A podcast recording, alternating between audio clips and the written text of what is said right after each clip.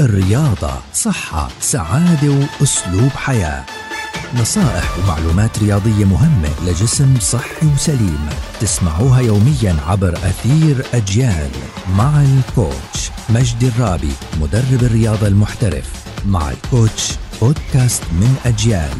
يأتيكم كي تطوروا أجسامكم نحو صحة أفضل. أهلا وسهلا فيكم عبر منصات أجيال المختلفة.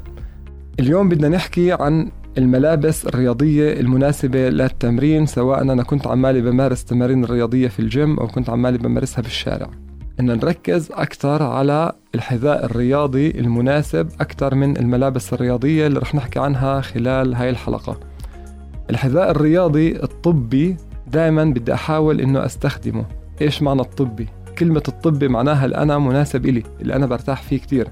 أركز دائما على إنه الحذاء يكون مريح إلي لما بمشي فيه لما بركض فيه لما والله بحمل أوزان عالية لما بمارس تمارين رياضية لفترة طويلة. فأنا دائما بحس إنه دائما الحذاء بدي أكون مركز عليه مريح بالنسبة إلي.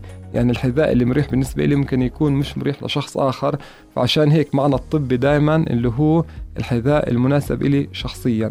تنين بدي أركز على موضوع الملابس الرياضية سواء كان في التيشيرتات بنركز دائما على ال dry fit تيشيرتات ال dry fit اللي هي بتعمل على امتصاص العرق. بنحس إنه إحنا لما نتعرق في زيادة بالتمرين فهاي الملابس الرياضية ما بتأذي الجسم ولا بتظهر عليها آثار التعرق فعشان هيك دائما ال dry fit كتير منيحة.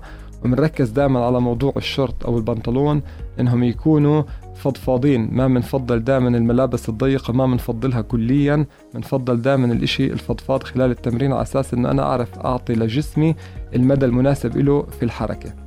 نتمنى الصحة والسلامة للجميع. In sports we share love